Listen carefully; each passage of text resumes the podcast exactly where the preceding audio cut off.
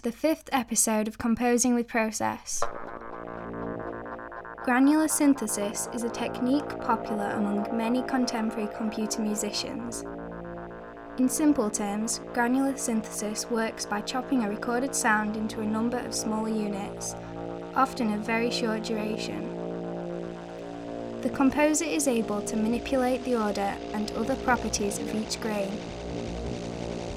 It is generally accepted that the development of this technique began in 1946 as a result of research undertaken by the physicist Denis Gabor into the nature of hearing.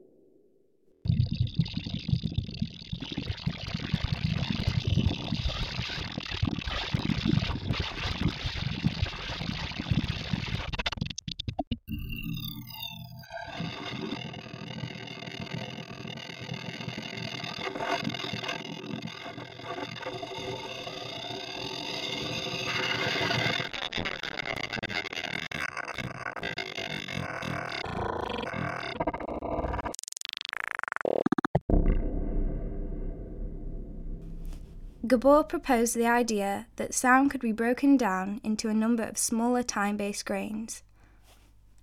Gabor's motivation was a dissatisfaction with existing descriptions of how we hear sound, for example, related to the work of Ohm and Helmholtz, that suggest the ear reduces sound to spectral components using Fourier analysis.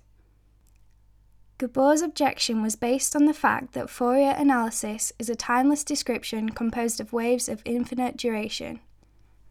He argues, it is our most elementary experience that sound has a time pattern as well as a frequency pattern. And he sets out to offer a description of hearing that takes into account both frequency and time. According to Gabor, Acoustic phenomena are discussed by mathematical models closely related to those of quantum theory.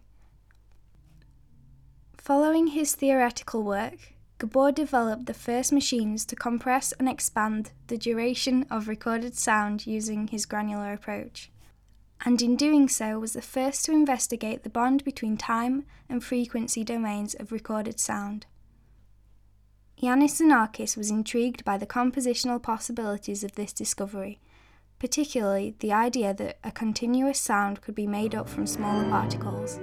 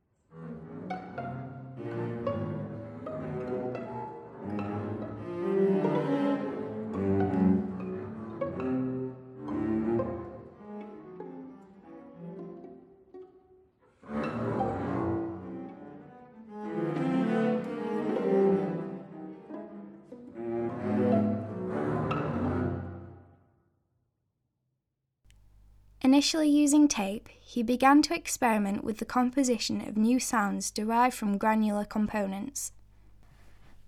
Xenakis recalls At the Polytechnic Institute in Athens, I was very interested in formal logic. Later, I suddenly became interested in probabilities, as it seemed an important way to compose. I had been trying to implement stochastic textures in music with short sounds that had an overall Gaussian curve. Thus, it was natural for me to explore the concept of sound granulation. Indeed, the very notion of sound as grains fits with Xenakis' affinity for mathematics and statistical analysis. Xenakis says, All sound is an integration of grains, of elementary sonic particles, of sonic quanta. All sound, even continuous musical variation is conceived as an assemblage of a large number of elementary sounds, adequately disposed in time.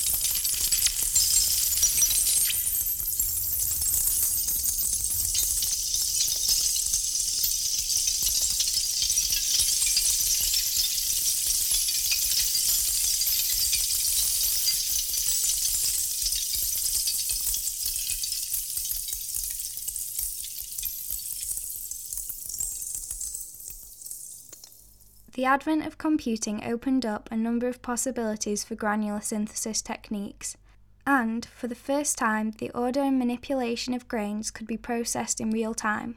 Curtis Roads and Alberto De Campo have developed a number of software systems to do just this, including Cloud Generator and Pulsar Generator. In his book, Microsound, Roads sets out a formalized overview of temporal divisions in music. These range from the infinite to the infinitesimal, including supra, macro, meso, sound object, micro, sample, subsample. As indicated in his earlier statement, Roads' interest is in the relationship between the smallest sonic particles and how transformation of these at the level below human perception can create new sonic and musical structures. Roads describes this in the following quote Playing around and between these zones is intrinsically fascinating, and my music is focused on a strategy of playing across the zone between rhythm and pitch, where events are fluttering. In my Pulsar Generator program, there is no distinction at the user interface level between composing rhythms, infrasonic frequencies, and composing melodies, audio frequencies.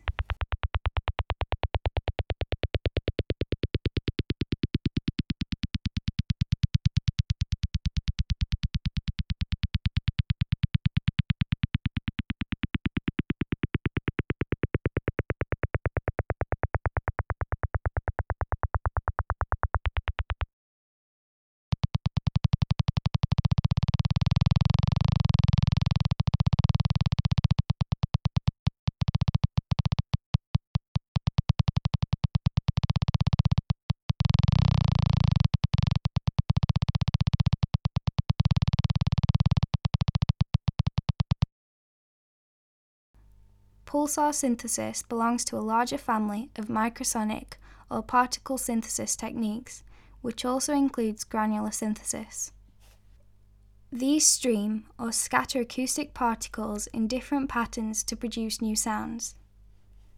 In pulsar synthesis, a particle, which can have any wave shape, is followed by a silence. By varying the shape of the particle, its frequency, and the duration of silence, it can generate a variety of musical structures. When the distance between successive impulses is less than about one twentieth of a second, the human hearing mechanism causes them to fuse into a continuous tone. In this sense, pulsar synthesis operates within and between musical timescales and offers what the authors describe as a seamless link between the different temporal scales Roads defines. In the last show, we looked at ideas about field and order in music. The suggestion that music can be thought of as components that exist outside time, which are given a temporal position. For example, notes of various pitches that are placed in orders of one sort or another to produce different melodies. Although Roads' interest in bridging temporal divisions in music is explicit, we could also argue that in doing so, he displays a more fundamental concern for working outside the field order description of musical form. The British artist Russell Haswell used pulsar synthesis on his piece, Maquette Augmentation. Haswell describes I decided to make a DJ tool because I probably had an upcoming gig it's ironic that it's the last track on the comp, as I saw it as some kind of intro. I started a few sets with it. The piece starts with a bass section, which is the result of a convolution process and unusual source, which is interrupted by raw pulsar generator material.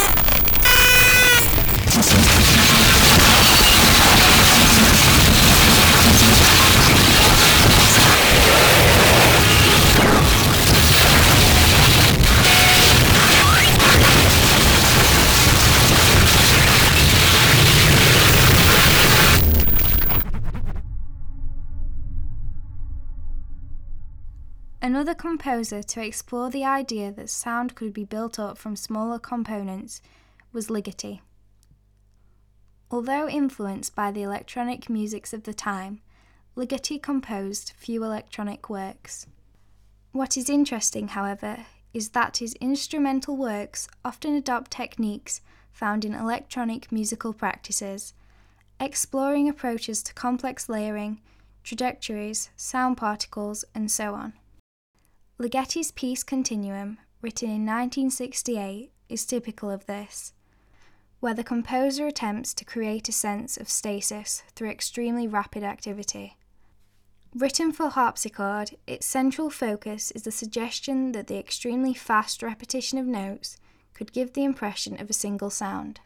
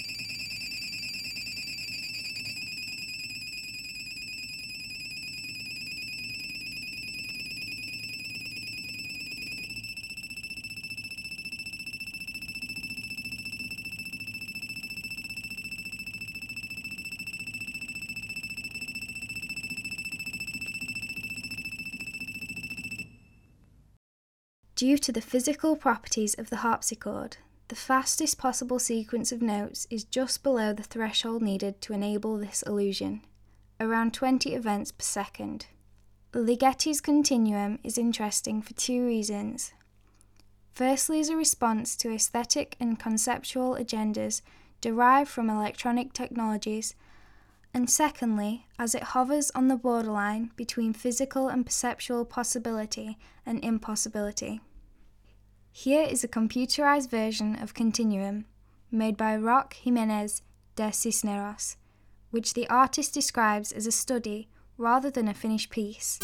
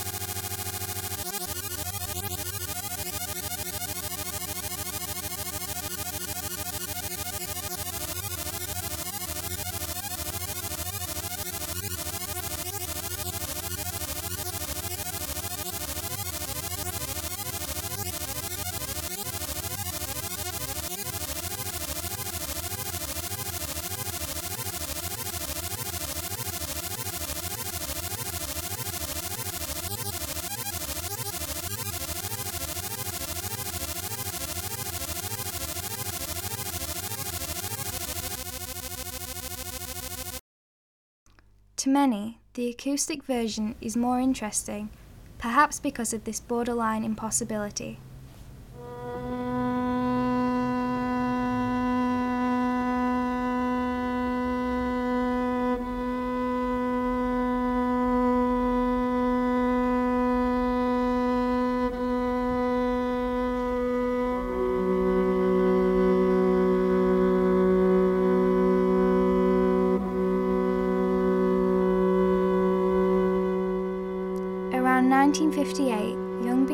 Fascinated with extended musical and sonic durations and the sense of time associated with Eastern music and thought, quite different to the Western conception of time as a linear progression from birth to death. In many Eastern traditions, particularly Hinduism and Buddhism, time is regarded as cyclical, without beginning or end. The structures found in the musics of these traditions, particularly Gagaku, Gamelan, and Indian classical music, offered a new experience of the temporal. Rather than focus on small fragments of sound and their arrangement, Young had the idea to write a piece of music using long sustained tones, resulting in musical structures quite different from the highly erratic work of his peers. He says this idea came to him out of pure intuition. Trio for strings, for violin, viola, and cello, consists of extended notes in various symmetrical configurations, alternated with long silences which last up to 40 seconds. Such prolonged musical structure, with its static tonal forms, offered Young a way to conceive of music and time not merely as static but more fundamentally as eternal, and therefore timeless, without time.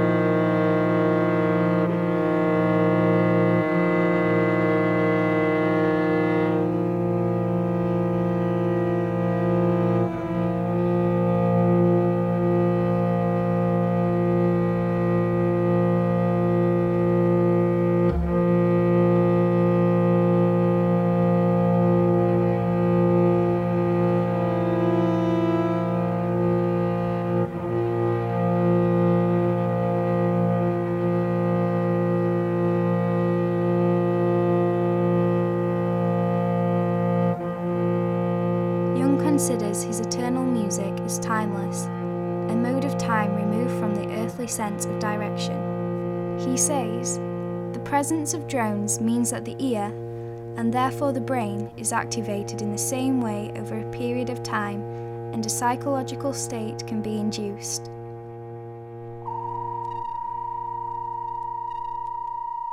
Harmonically related intervals, intervals related in whole number frequency ratios, are apparently more congenial information for the brain. This idea of without time can be seen in Young's score for composition 1960 number 7, which consists of a B, an F sharp, a perfect fifth, and the instruction to be held for a long time.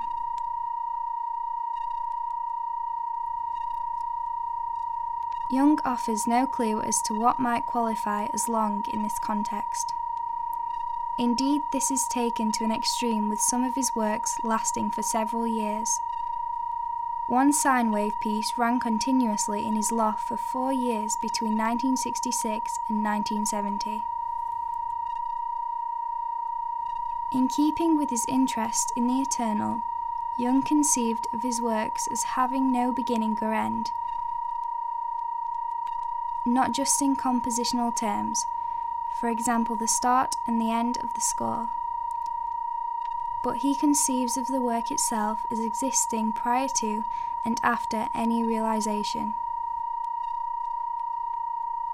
Young was able to use electronic sound to explore even greater musical durations. In collaboration with his partner, Marian Zazeela, he presented many sound and light environments. Their Dreamhouse installation, located at 275 Church Street in New York, has been running continuously for 17 years. The sound consists of 32 sine waves, tuned to different frequencies according to just intonation.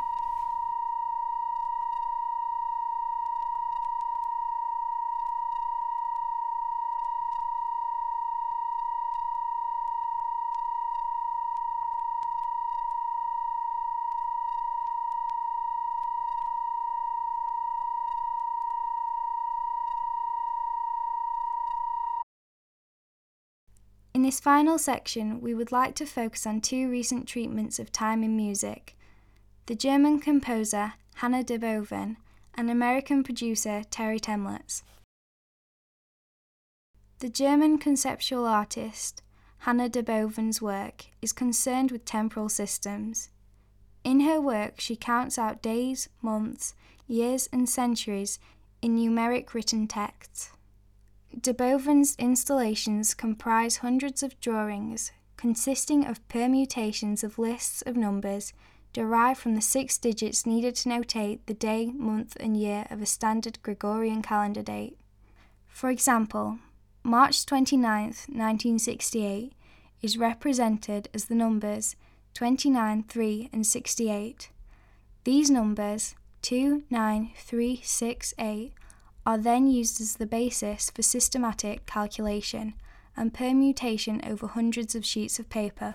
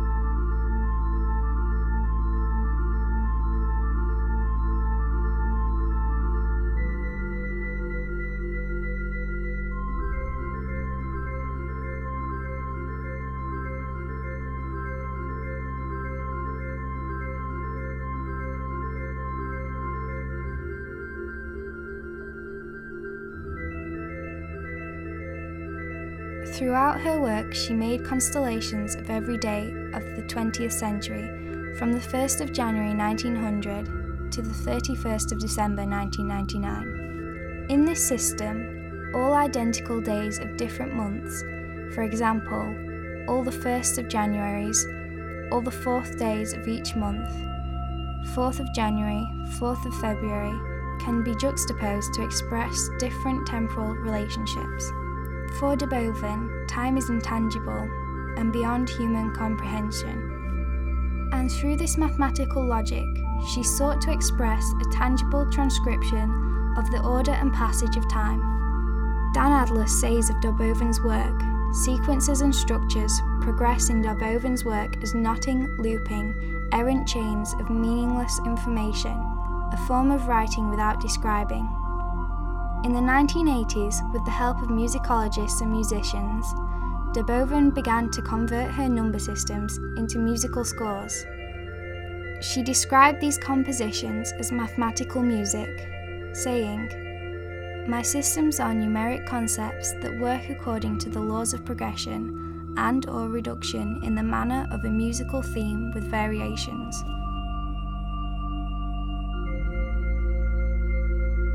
In Darboven's musical system, all the single digit numbers, 0 to 9, can be expressed as musical notes by placing them on a musical staff with five lines and four spaces.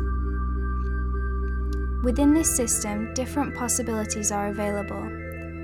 For example, starting with one at the top and numbering down, or starting from the bottom and numbering up. Furthermore, these notes can be played as a melody or a chord. This means the same numbers can be expressed in a total of four different ways within the same system. For double digit numbers such as 10, the first digit is expressed as a triad and the second as a chord. The American composer George Antheil observed that music does not exist all at once like a painting, but it unrolls itself. Nevertheless, we must consider it in the terms of a painting as something which exists all at once. In other words, time is our musical canvas.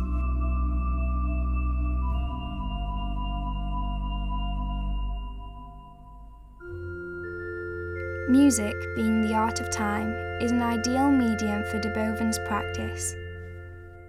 Here is Opus 17A for double bass performed by Robert Black.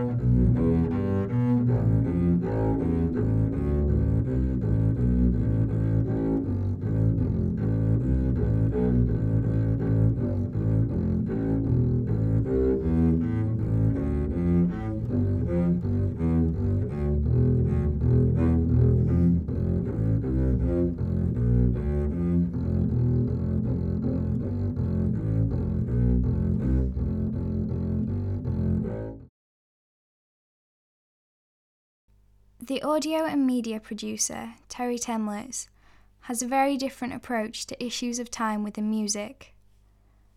Contrary to those who view time as an abstract formal component of the structure of music, Thaemlitz chooses to focus on the use of time as a material resource, referring to ideas of market value, labour, and so on. We spoke with Thaemlitz about his approach to time and his critique of how time is treated in the modernist tradition.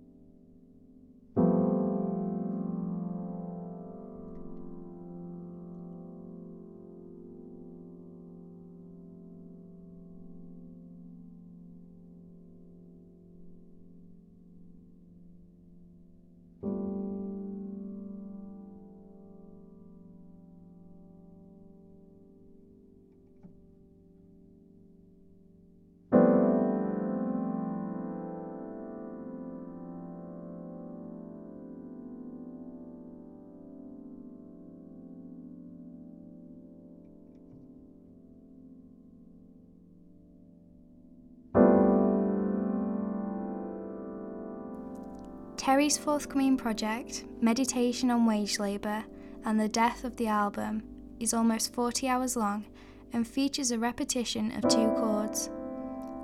We asked Terre about his thinking behind this project and the themes it addresses.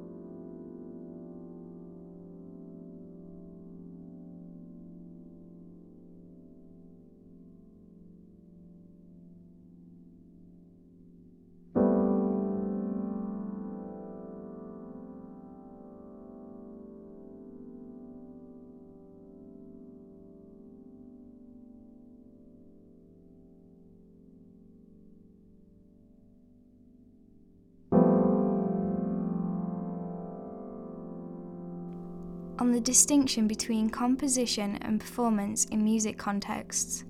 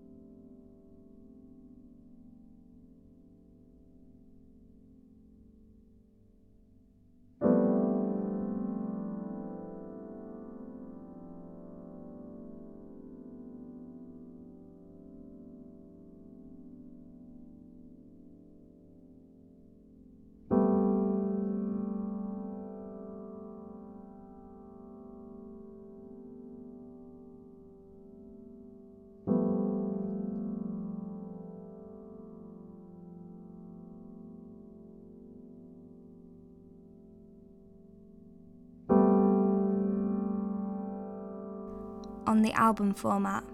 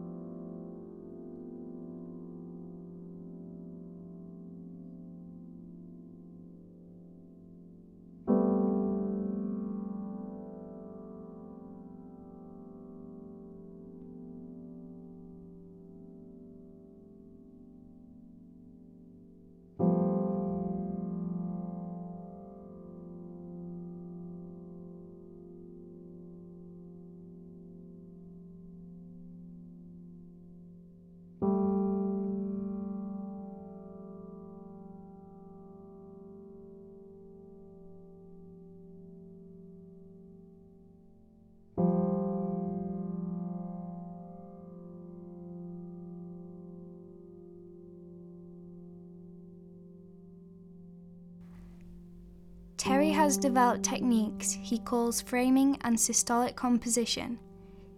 Indeed, framing could be seen as a critical response to granular synthesis.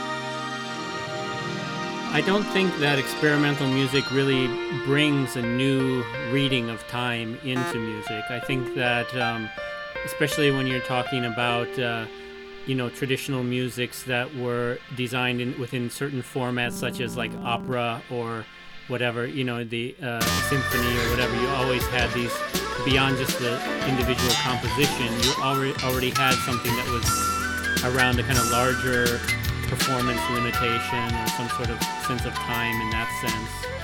And and also of course the instruments when people would have access to those instruments and stuff. I mean, beyond just folk instruments, but like, you know, access to a conservatory and getting access to a big pipe organ or stuff like that. I mean, that was also very much about time and scheduling and stuff. So for me that's that's these are things that have really always been a part of musical discourse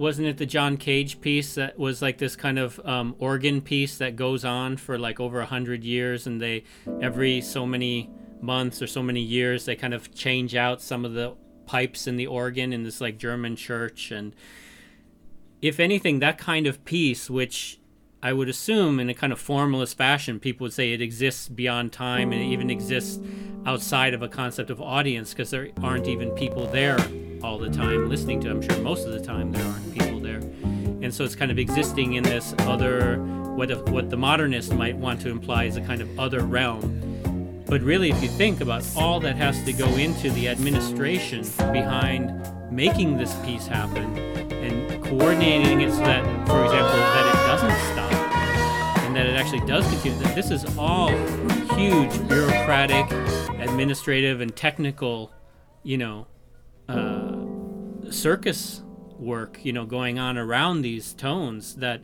you know, for the modernist composer to, to imply that um, the piece is somehow something beyond all that is really, I think, it, it's either ignorant or arrogant or both.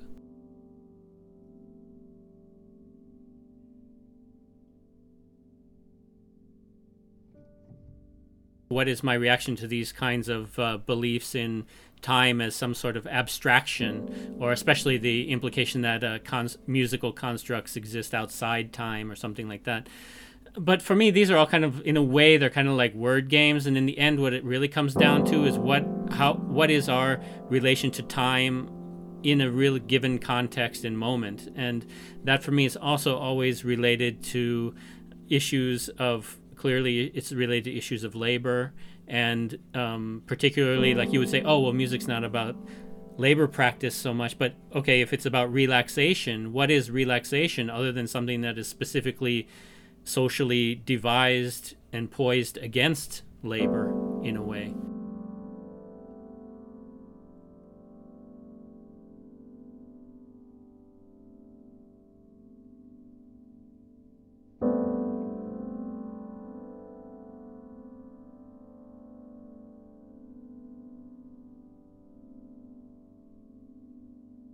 the piece meditation on wage labor and the death of the album kind of came about uh, as a result of this kind of increasing demand to provide free digital contents in support of um, album projects and uh, CDs or vinyl releases and things like that.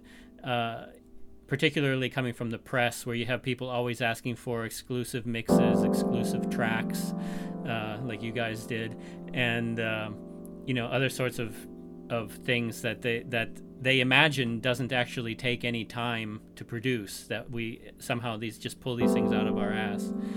So i began thinking about well what is in this mp3 era what actually is an album? And i thought that well really what has defined the album more than concept because we like to think of it as a kind of conceptual device but really the album has come about and developed in relation to uh, format duration so for example uh, the album in the age of vinyl used to be between 36 to 40 minutes long because basically you can master about 18 minutes of audio onto one side of a vinyl record without major loss of quality. Um, and then when the CD came out, that could hold at first 74 minutes and then it went up to 80 minutes. And when that came out, suddenly a lot of producers felt very kind of liberated from, you know, the shackles of the 36 minute album. And um, it became very quickly it became normal for people to produce 60 minute albums or longer. And essentially then we were producing double albums but for the same uh, for the same advances and royalties. And and there was a kind of euphoria about this in the beginning you know to be able to make longer albums and stuff. But um, then quickly that just became uh, standard and to the point where even as consumers, you're kind of disappointed when you buy an old reissue of a 70s album and you put it into your player and see it's only like 30 minutes long. In a way, you kind of feel like, oh, I paid full price for this. And you know, and you think of other 70s reissues or something where they put two albums on albums onto one CD or something. So as consumers, also, we've really gotten accustomed to feeling that in a way we're we're ripped off if we don't get at least an hour of audio.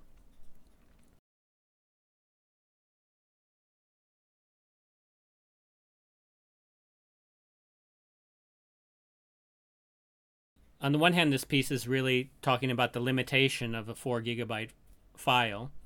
But on the other hand, uh, I also kind of wanted to do a piece that, compositionally speaking, with the, um, you know, until now impossible idea of having a, sing- a single recording that could be of such great duration, of not having to divide something between multiple discs, etc.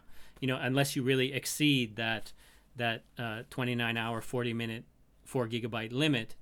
I mean, that's a very real, concrete limit that that currently can't be um, surpassed without you know special software tweaking and stuff that would really be impractical in a way that that was just unnecessary. And and for me, that kind of entering that kind of impracticality would be pushing the piece into more of a formalist aesthetic realm because then you would be deliberately making very obscure decisions to make something very special and reified and different uh, as opposed to kind of dealing with a very standard industry limitation. As a producer, to, to be working with a very real four gigabyte limitation rather than to kind of come up with some aesthetic choice about how many gigabytes the file should be and if that would really be about whim or if it would really be about uh, practicality or whatever. And for me, that all became more.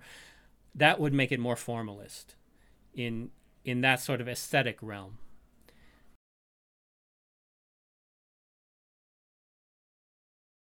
The idea of the fade out, even when I listen to it in studio recordings, has always been about some sort of uh, limitation of the tape. You know, I mean, like I always think about uh, the old seven inch recording and how you know you could fit two and a half minutes on a side. So you had something like um, you know a Ray Charles single where the A side and B side, well, the B side becomes a continuation of the A side. Like they split, they basically split the recording session between the A and the B side of a single track, and um, but it kind of becomes cataloged and looked at as two different pieces. For me, it's never about um, the infinite, but it's always about this kind of gap between where we're let out and where they stopped. And that's, in my mind, always something very concrete.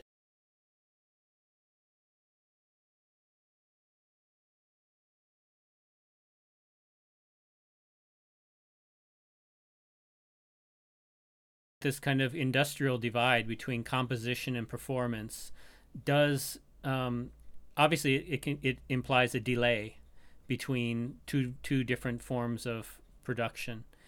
And um, that that sense of delay also kind of I think distorts or warps how do we think about music.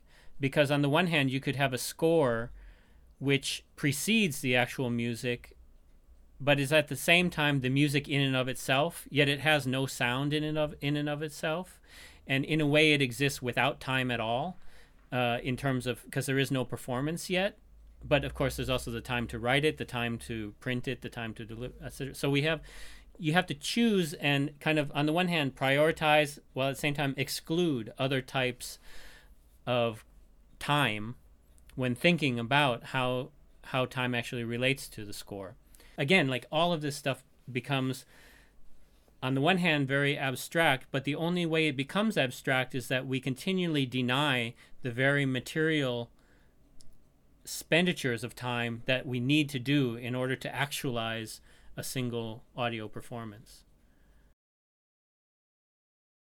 The condition of performance is that it be longer than 81 minutes. And the reason for this is that, of course, to do a 30 hour performance is totally impractical. It's also unhealthy. I mean, it's bad for your back and all that stuff. Uh, but I want it to be longer than 81 minutes so that any possible recording would be too long to fit onto a standard audio CD. So that kind of becomes the way in which uh, I created restrictions around live performance that are different from the restrictions of, of the actual recording for the album itself. And, and I think usually, to be honest, when I do perform the piece, I perform it for about maybe 95 minutes or so. And the reason for this is that um, during the performance, I have slides with text kind of explaining what the piece is about, and it kind of sets up this 81 minute limitation, uh, the minimum performance being at least 81 minutes, so it won't fit onto a CD. And you find that around 81 minutes, the audience gets very uh, gets a very different kind of energy suddenly because they expect it to be over, and they're waiting to see what's going to happen. So I like to kind of torture them with another 15 or 20 minutes for me that's really like the point where the piece actually starts is when the people expect it to be done and then you deny them that completion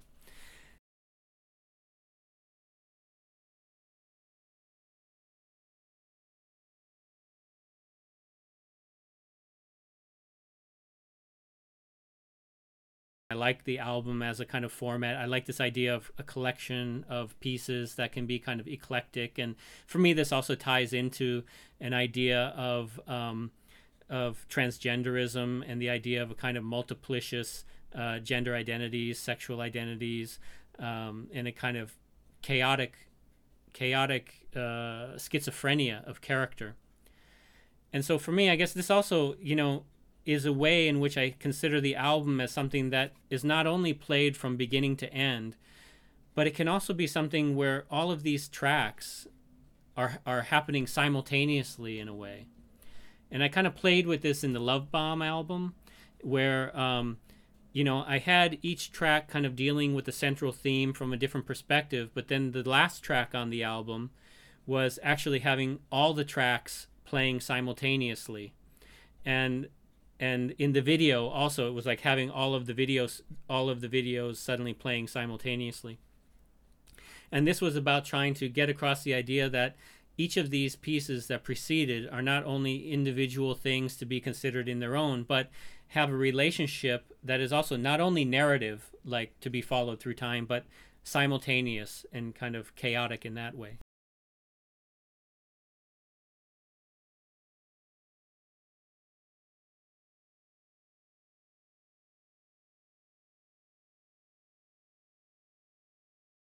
the difference between between framing and granular synthesis is that um, the framing is a totally manual editing technique.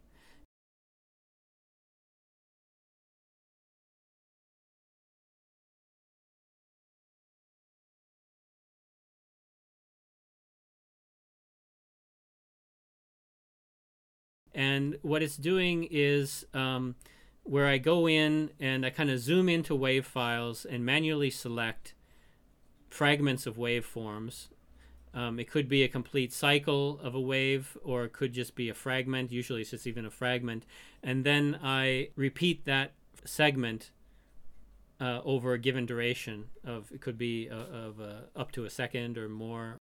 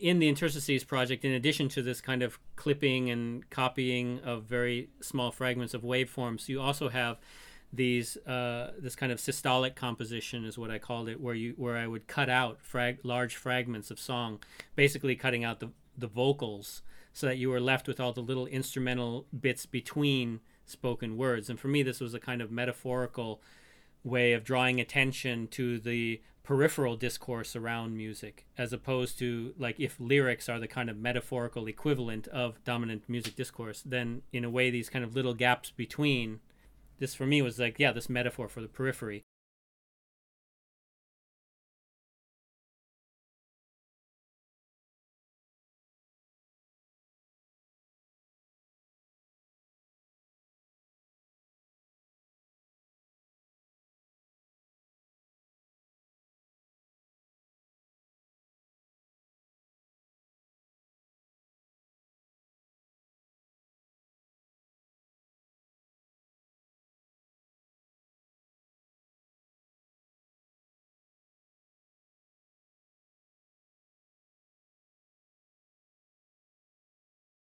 And I think that in this long piano piece as well, you know, the piece itself, although there are these kind of chordings that happen repetitively, the majority of the time is spent between them, where you have this kind of um, tonal emptiness and you're kind of waiting for the next thing to happen. And it's kind of, it's a kind of predictable anticipation, but it's still about anticipation more than about the actual pleasure of the moment of than the percussive performative moment itself.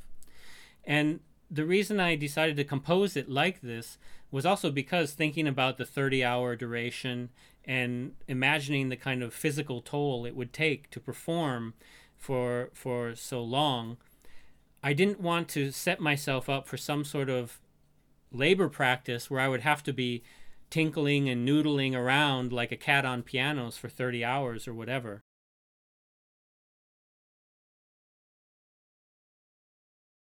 And I did resist the temptation to like for example like at at hour 27 there is no romantic improvisational outburst or anything. There this this never happens in the piece. Um, although there are things that do happen that are unexpected but but never in this kind of creative way